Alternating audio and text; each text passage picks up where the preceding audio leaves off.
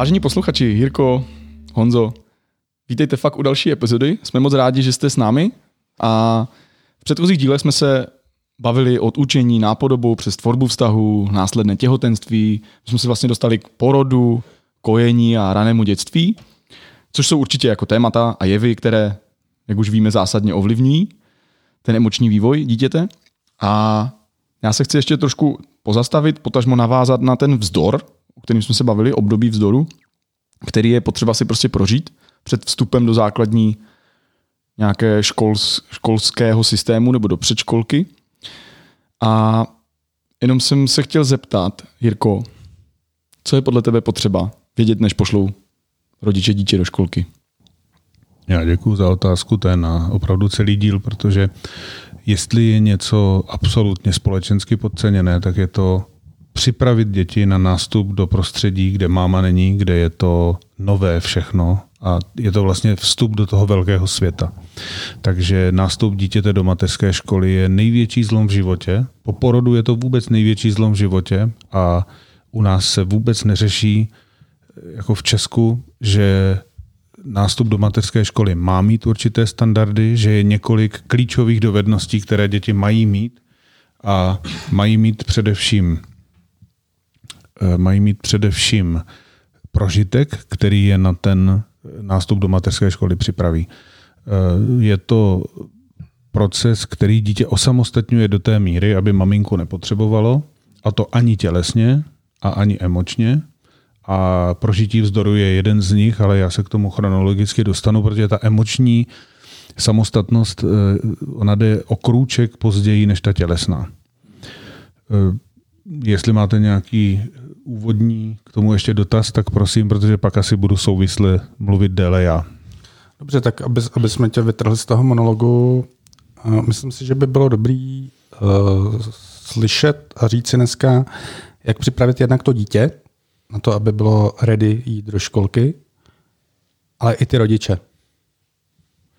Souhlasím a je to samozřejmě vlastně informace a priori pro rodiče, protože ty rodiče to vlastně potom s tím mrnětem mají prožít a mají to pro něj udělat, protože nic mě vlastně neuvádí do větších rozpaků a vlastně i do většího takového hněvosmutku, než když vidím, jak eh, prcek, který je úplně závislý, a to nejenom tím, že eh, si bez maminky ještě nedovede svůj život představit, ale vlastně uh, on ani nechápe, proč tam ta máma vede, protože je nejenom na ní citově závislý, ale vlastně ta maminka se třeba vrací domů, což se velice špatně někomu vysvětluje.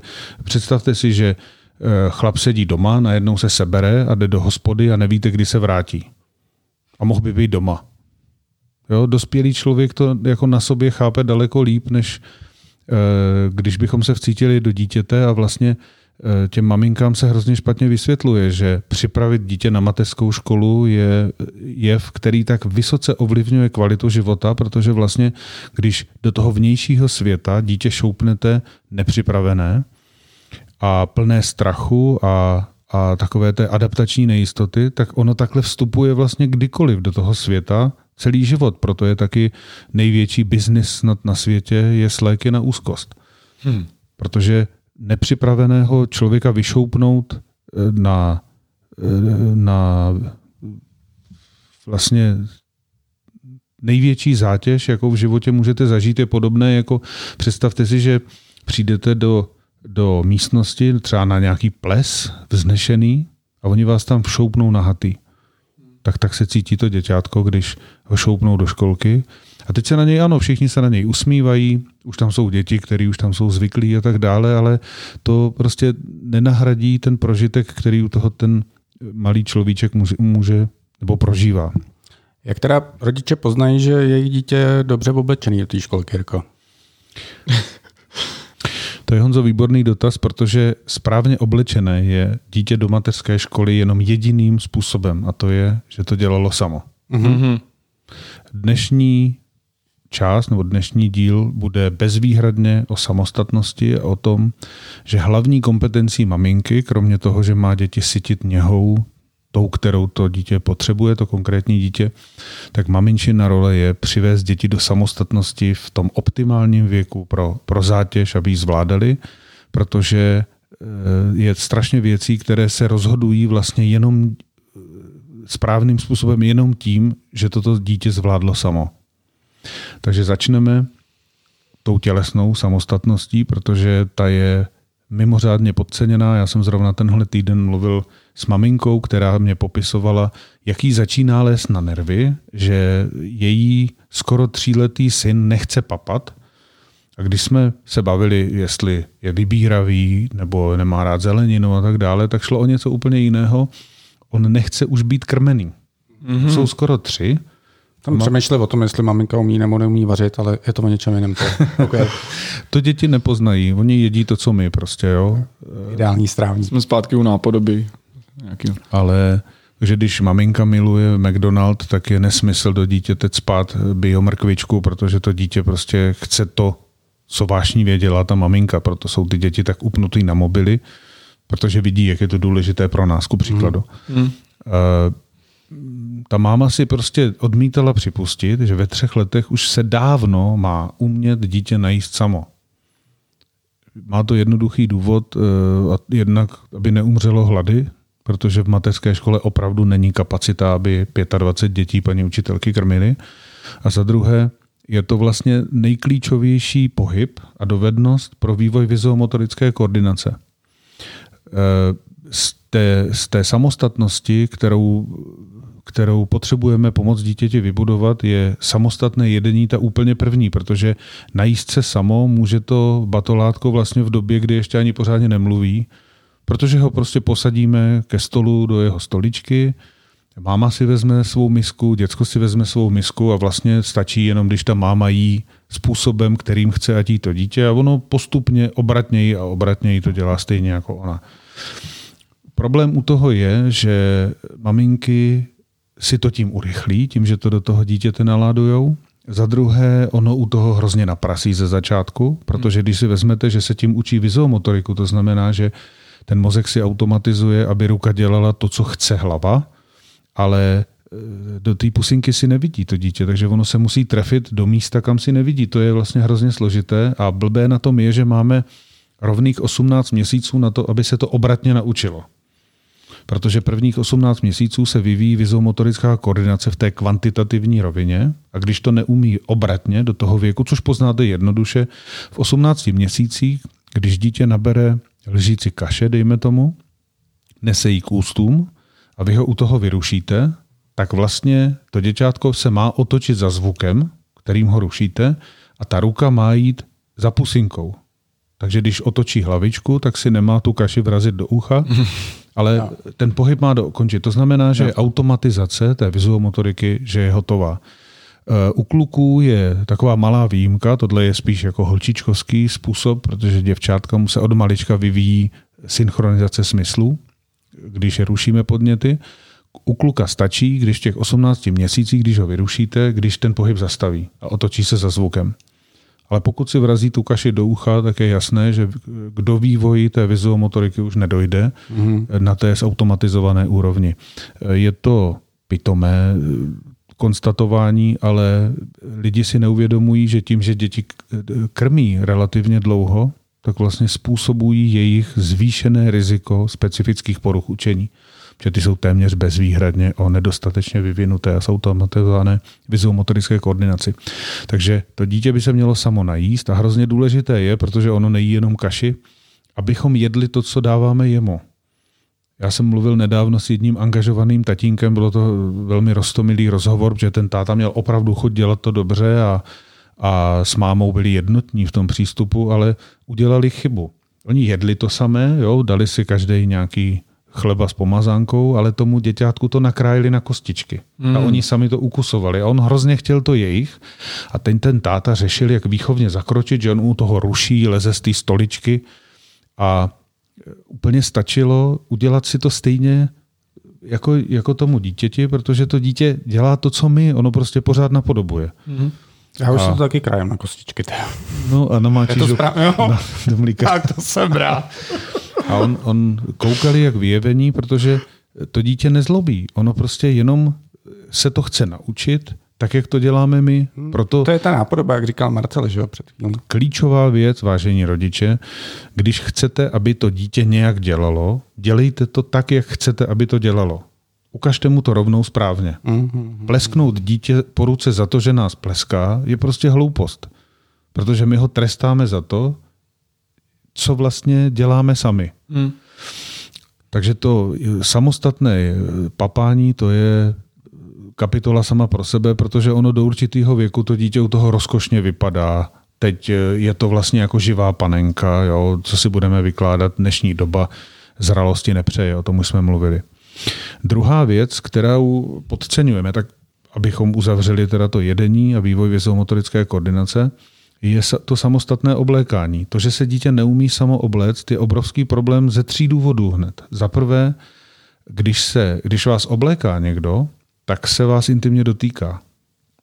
A děti a jejich vývoj vlastně intimity a sexuality je strašně závislý na tom, že vlastně eh, maminka má ten dotek vždycky stejně vlídný nebo nevlídný. Jo? Není dobře, když je maminka necitlivá, ale stejně tím vytvoří tomu dítěti nějakou představu o tom, co to znamená se vzájemně dotýkat. Mm-hmm. Takže když máma byla netrpělivá a rvala to na děcko, tak aniž si to ten člověk uvědomuje, tak celý život je k sobě při oblékání necitlivý a rve to na sebe. To, je, to je šílený. Že? Ale jo, já si, hrozně si vybavuju totiž, já jsem dělal pět let na bazéně, tady v Brně v Kohotovicích a přesně si vybavuju všechny teď ty obrazy těch tatínků, rodičů, kteří, ať už se převlíkali ty děti sami, nebo se převlíkali ti rodiče s těma rodičema, tak přesně teď jsem viděl ty obrazy prostě toho netrpělivého nebo naopak klidného a, a pak přesně vidíš, jak to děcko se chovalo i v té vodě, jako vlastně jestli, jestli vydrželo jako zkoušet, zkoušet bez mm-hmm. nějakého nervování se, nebo jestli naopak bylo v klidu, protože tam nebyl ten rodič a tak dále. A vlastně teď mi to, mě to zpětně jako hrozně dává teď smysl, tady ta paralela.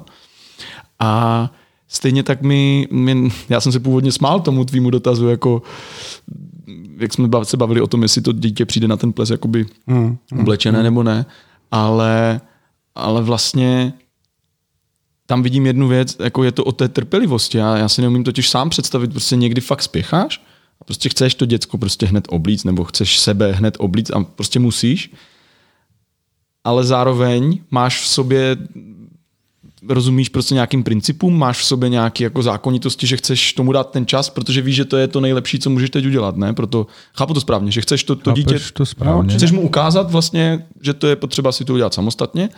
No ale právě, co když jako nemáš ten čas, tak dobrý, tak, tak jako, jak, máš cestu jako ven? Nemáš. No máš.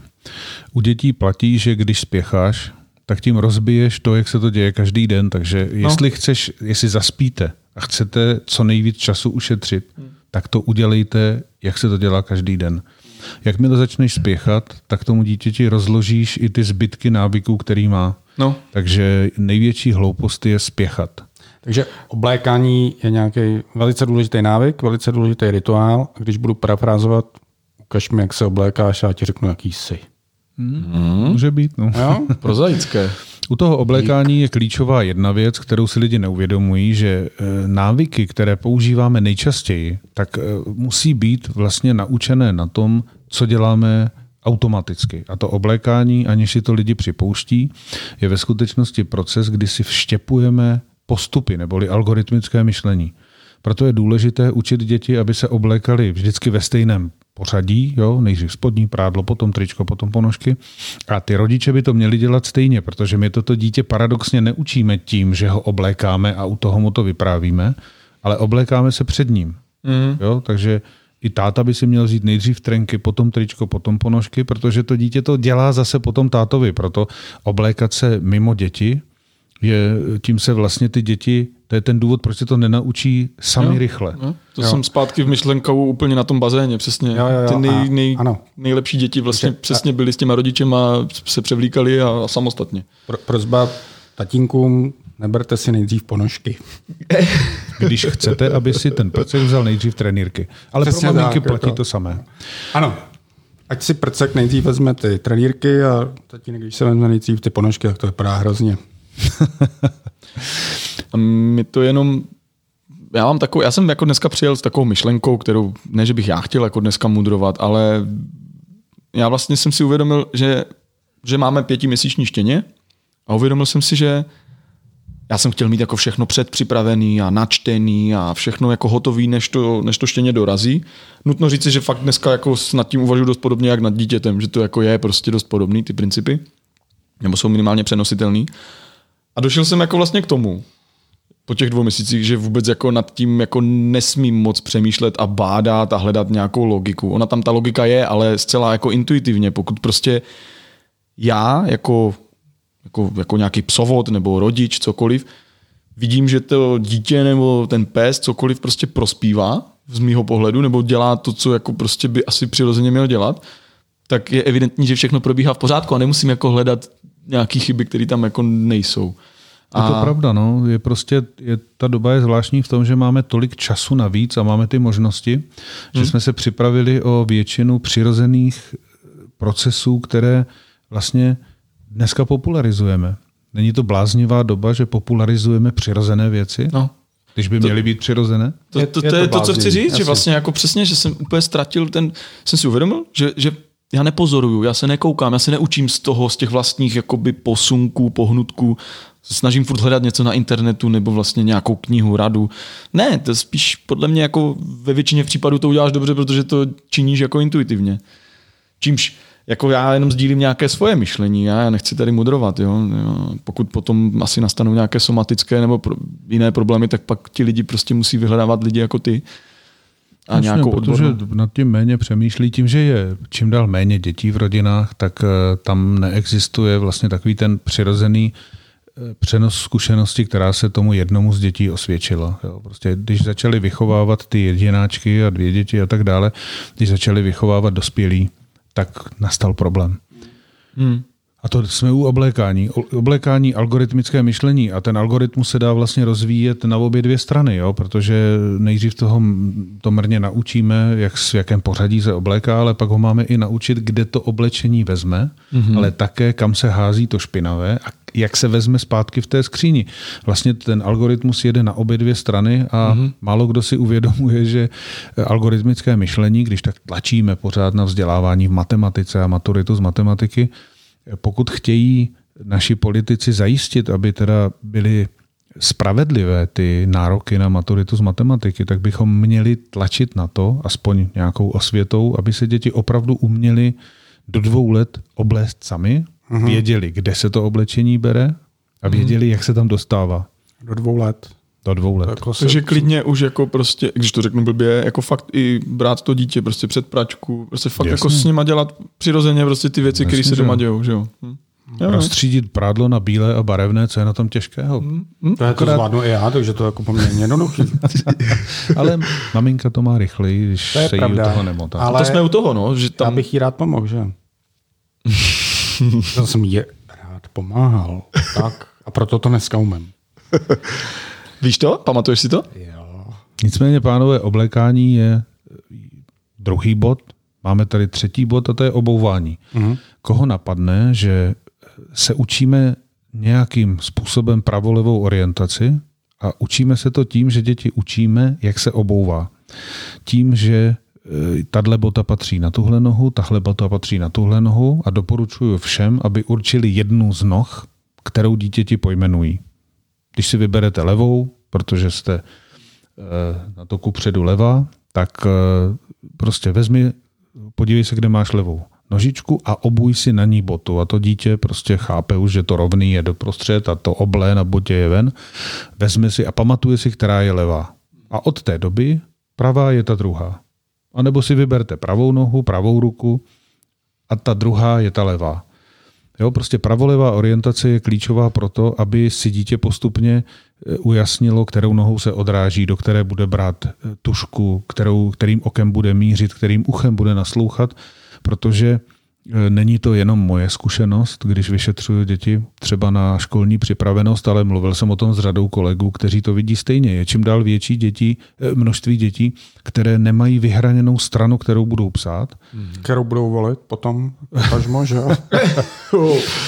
to jsou dobrý. kterou se budou odrážet oko, kterým budou mířit a mm-hmm. to je obrovský problém. Když si vezmete, že sedne do lavice v první třídě, má vzít tušku a začít napodobovat. Přesně, Jirko, a na to se chci zeptat. Obouvání a tak dál, potom psaní třeba pravou, levou no, rukou, sou, souvisí to s tím? Jasně.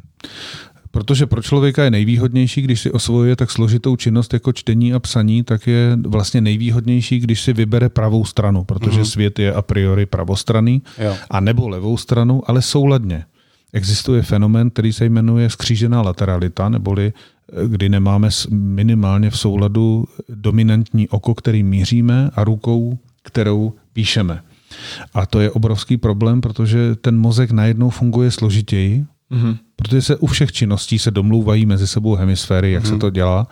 A když si pro uh, tu činnost, která dává příkaz, což je to, což je mozek přes oko, a ta končetina, kterou se to dělá, což je mozek přes ruku, tak si vemte, že e, tomu, té končetině a tomu smyslu dává příkaz jiná hemisféra. To je prostě složité a dá se tomu pomoct velmi dopředu, jo? včetně teda toho, když ty děti už mají dominující e, tu skříženou lateralitu, už je to návyk, tak se dá to dítě připravit na to, aby s tou složitostí počítalo. Jo? Blbé je, když se na to přijde ve chvíli, kdy má popsat krásně písanku. A jak, jak to teda, jde to jako poznat, když jako jde to na první vidět na nějakém dítěti, že má skřiženou? Je na to test jednoduchý, ale to si necháme, až eh, budeme natáčet hmm. díl pro přípravu na první třídu, jestli dovolíte. Super. jasně. Teď nám jde o pravolevou orientaci jo, jo, jo. jako takovou. Uh, Já tě pustím, Honzo. A jako starší mám Jo, jo, pojď. Já jsem z vás nejstarší. Aspoň pro něco to je dobrý. Jenže já se ptám a ty odpovídáš. Eh, obouvání a suchý zip versus tkanička, respektive ještě si dneska děti zavazují tkaničky? Eh, je to vzácné. Eh, Fakt? No, většinou jsou nazouváky nebo sucháče, ale to je trochu něco kroxy. jiného. Zavazování bod je velmi jemná aktivita, jemně motorická, ta víc spadá pod oblékání než pod uh-huh. obouvání. Tam nejde pravou i levou zavazuješ stejně, nezavazuješ botu zrcadlově obráceně. Hmm. Takže já zavazování bod považuji za mimořádně dobrou činnost, protože to je algoritmus eh, tak složitý asi jako umět si zapamatovat výjmenovaná slova. Přesně, já si hmm. třeba do dneška pamatuju, jak jsem se učil zavazovat kaničky. Já taky musím Nebudu říkat, kolik mi bylo, to bych se odkopal hodně. Ale... Já nevím. Já ale nechci vzývat staré časy, ale já si třeba vzpomínám, že při nástupu do mateřské školy, a to nechci připomínat komunisty, Hmm. Jo, to zločinný režim, ale eh, když brali se dřív děti do mateřské školy a nejmocnější osoby bývaly ředitelky mateřských škol, tak jeden z testů bylo, jestli si umí sám zavázat boty. To bylo automatické. A tak mělo to nějakou logiku, ale no jasně. předpokládám. Jako, protože mu je nezavazuješ. Ta, no, ta učitelka no, tam má no. 25 dětí, to, za, to no, je 50 no. bod.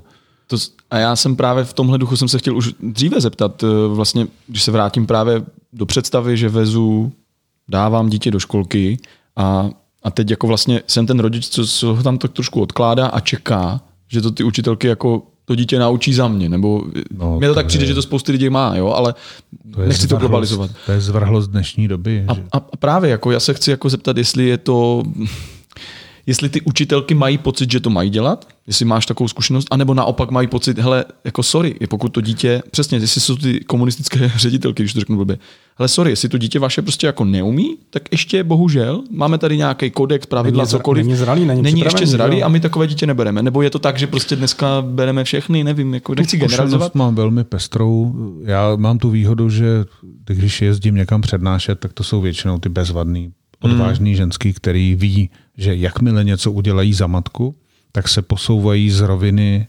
učitelky do roviny služky. Prostě to je špatně. Mm-hmm. A já si dovolím jenom poopravit ty komunistické ředitelky. Byly to často komunistky, mm. ale to s tím nemělo až tak moc společného. Prostě tehdy byla doba, kdy bylo jasné, že ty děti mají přijít do školky připravené my jsme, co se týče vědomostí o speciální pedagogice a předškolním vzdělávání, my jsme velmoc. Hmm. To, to snad nikde na světě nemají o tom takový povědomí, ale nějak jsme tím opovrhli, protože eh, dneska si lidi všechno zjednodušují a zjednodušují si i tohle. Já jsem jednou byl ve školce a tam přijela matka, dítě mělo nakaděno prostě v plíně eh, až po kolena a paní učitelka říká té mamince, tak snad si ho přebalíte, ne? A ta máma jí odpověděla, to je snad vaše práce. No ty vole. To je, to, je, je, to, je to trochu samozřejmě extrémní, ale i to se děje. Takže to, že maminky mají být poučené paní učitelkou a paní ředitelkou, že je vlastně, že je ne, že je nevezmou do školky, ale že je nesmysl usilovat o to, aby je přijali do školky, když tyhle věci neumí. To je přesně ten proces, kdy to dítě začne intimně obsluhovat někdo jiný a tím mu vlastně úplně měníme vztah k vlastnímu tělu a vztah k vývoji intimity a sexuality. To jsou podceněné absolutně věci. Je to o posouvání těch rodičovských rolích a tak dále, že jo? Je to tak. Uh, vezměme teda, že dítě se umí oblíknout, umí se obout.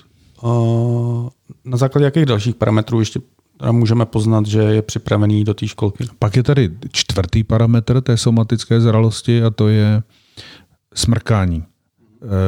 Málo kdo si uvědomuje, zkuste v tramvaji, když ženská posmrkává, tak vzít kapesník a nechat jí vysmrkat. Tak jestli bude rozumná, tak vás nakopne pořádně, protože dotýkat se lidského obličeje je přece velmi intimní.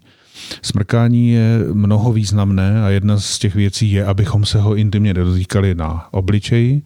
A další věc, eh, málo kdo si uvědomuje, že se rodíme se schopností dýchat nosem, jinak by se to děťátko nenakojilo, ale že o tu dovednost při hře a při aktivním pohybu trochu přichází, protože když se zadýcháte, většinou dýcháte ústy a my musíme udržovat to dýchání nosem jako automatismus.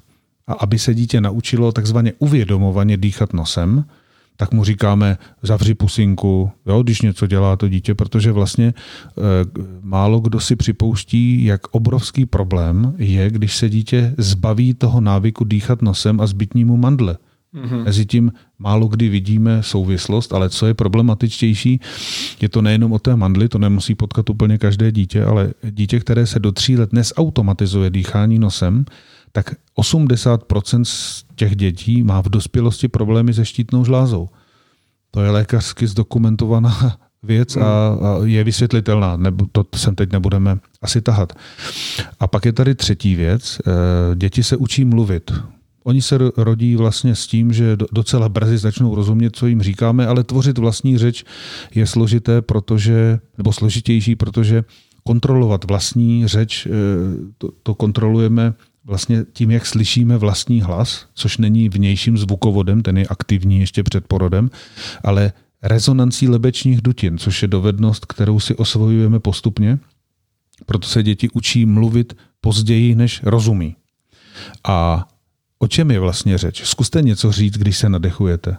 Ne, to je vlastně stav, kdy vydechujeme a abychom se naučili řízeně, ří, jako řízeně ovládat dech, tak je potřeba, abychom uměli uvědomovaně dýchat nosem i pusinkou. Jo, všem doporučuju, kdo přednášíte, je dobré naučit se, a my slyšíme na tom mikrofonu, že to ani jeden neděláme, hmm. když mluvíme a vydechujeme, tak bychom se měli nadechnout nosem. A při řeči vydechujeme ústy samozřejmě. Málo kdo to dělá, já jsem se to nikdy nesautomatizoval a. Já, když třeba přijedu na školku na nějakou depistáž a teď vidím, jak, že většina dětí si hraje, dýchá pusou, mají plný nos, teď vidím plochý nohy, hrozné držení těla, to osvalení bříška, to je, to, to, to, to, jak jsou na tom dneska děti s imunitou, to je opravdu na jeden samostatný díl. A smrkání je způsob, jak se dítě může osvojit automaticky řízené dýchání nosem, což je vlastně eh, velmi důležitá dovednost pro rozvoj řeči. No a jsme u páté dovednosti, takové mé nejoblíbenější, která je nejkonfliktnější ze všech, a to je očista na záchodě. Vemte si, že většina mužů má takový zlý sen, že budou prostě s dvěma nohama na dláhách v nemocnici jako ležáci a potřebují na velkou. Představte si, že naprostá většina dětí při nástupu do mateřské školy je v téhle situaci. Neboli neumí se sami obsloužit po toaletě a čeká se automaticky od paní učitelky, že se v ní v té chvíli stane tahle ta služka, která teda to dítě utře. Hmm. My podceňujeme, že je to zase několika významné, ta intimita tam hraje samozřejmě hlavní roli, ale pak je tady druhá věc. Vemte si, jak složité je pochopit, že všichni se potřebujeme naučit asociace, které se v tu chvíli nedějí, neboli naučit se trochu abstraktně myslet. A na tělesné úrovni se to děje úplně první tak, že to dítě se musí obsloužit na místě, kde si nevidí. Jo, vlastně utírání zadečku hmm. je činnost, kde si nevidíte, takže musíte zapojit víc smyslů. Já vždycky říkám maminkám, omlouvám se, pokud to někoho pobuřuje, ale vždycky říkám, musíte ho naučit, že čím méně to klouže, tím je to lépe uděláno. Protože to utírání zadečku je vlastně hrozně jednoduché takzvanou imitační metodou. Jo, prostě jakmile si sedne na ten nočník, tak je úplně jednoduchý dát mu ten kousek toaleťáku do ruky a utřít mu zadek jeho rukou. Mm-hmm. A mhm. umí to v 18 22 měsících bez problému.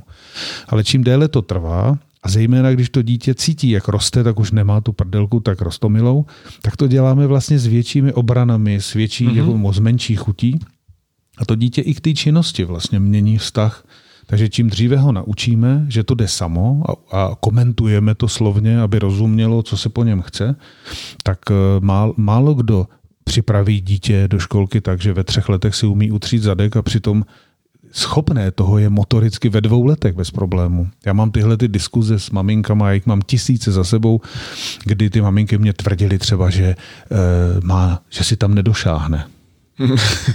jo, takže si představil... Můj Honzíček má krátkou ručičku. Pařádky, no. A je to nesmysl, protože hmm. někdy se děti při koukání na televizi třeba tak vášnivě škrábou na zadku, že víte prostě bezpečně, jestli tam došáhne, když jo, jo. ruce dosahují u dospělého i u dítěte do půlky hmm. stehen.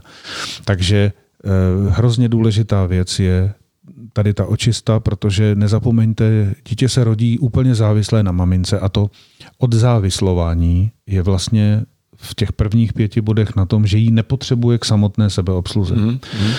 Když dítě jde do školky a e, je závislý na utírání zadku, přijde do mateřské školy, tam ho uvítá paní učitelka, úplně cizí paní, mm. a ono na ní má vystrčit zadek. To je hrozná Ve třech představa. letech, když ne. si začínáme uvědomovat nahotu, to je šok, to je blázinec prostě. Mm. Ale... E, Stres, trauma rychle zpátky domů. No, no, ale v době, kdy prostě se tohle všechno politicky manipuluje a zřizovatelem je starosta, ten chce být zvolený a holky, tak to dělejte za ty matky, tak vlastně těm dětem v dobrém škodíme, protože e, zažil jsem už mnohokrát, když si maminka stěžovala na paní učitelku, která jí oznámila, že mu teda prdel utírat nebude. Mm. A přitom je to nepochopitelné, že to po ní vůbec chtěla. Jiná věc je, když má dítě prostě průjem a, a to, to každý pomoct. člověk pomůže, mm. ale chtít to automaticky. A mě nikdy nepřestane udivovat, jak udivené jsou ty maminky, když jim to říkám. No maminky? Nebo učitelky? Myslíš ne, maminky? maminky? Ne, učitelky, maminky. Ty milé, milé maminky, milé posluchačky, no. nech, nechtějte to po paních učitelkách, prosím. Přesně tak. Mm.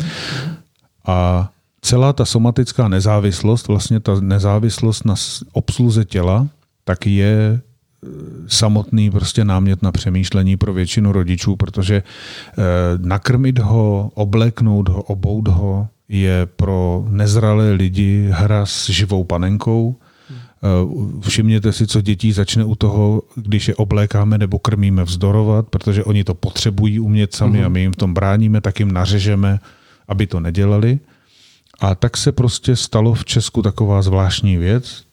Já dám jenom příklad, protože jich je tolik, kolik je lidí. Představte si, že v Česku, když dítě dostane rýmu, tak mu ochrnou ručičky. Ježíš Maria. Dá ruce za záda a čeká, že někdo přiběhne s kapesníkem a udělá to za něj. A nebo nejlíp přinese takovou tu odsávačku. Ale... Máme tam ještě nějaký další somatické dovednosti? Jsme hotoví, pánové. Jsme hotovi. Jsme hotovi. To je krásný. Já myslím, že je super díl. Jsme moc rádi, že nás posloucháte. Pokud byste měli jakýkoliv dotazy, rozhodně jsme v očekávání. Napište na maličkosti zavináč groovemove.cz Potažmo nás, nás kontaktujte prostřednictvím sociálních sítí. Budeme rádi, když eh, se zmíníte svým známým, svým blízkým. Budeme rádi, když nám třeba dáte i nějakou hvězdičku v Apple Podcasts nebo prostě nějakým způsobem podpoříte nějakou naší tvorbu, naše úsilí, který do, toho, do tohoto podcastu dáváme. Ještě jednou díky, děkuji vám chlapci a budu se těšit zase příště. Mějte se krásně. Čau. Já se taky těším a jestli vás tento díl zaujal, tak ten příští bude ještě zajímavější. Wow, jdeme na. Yeah.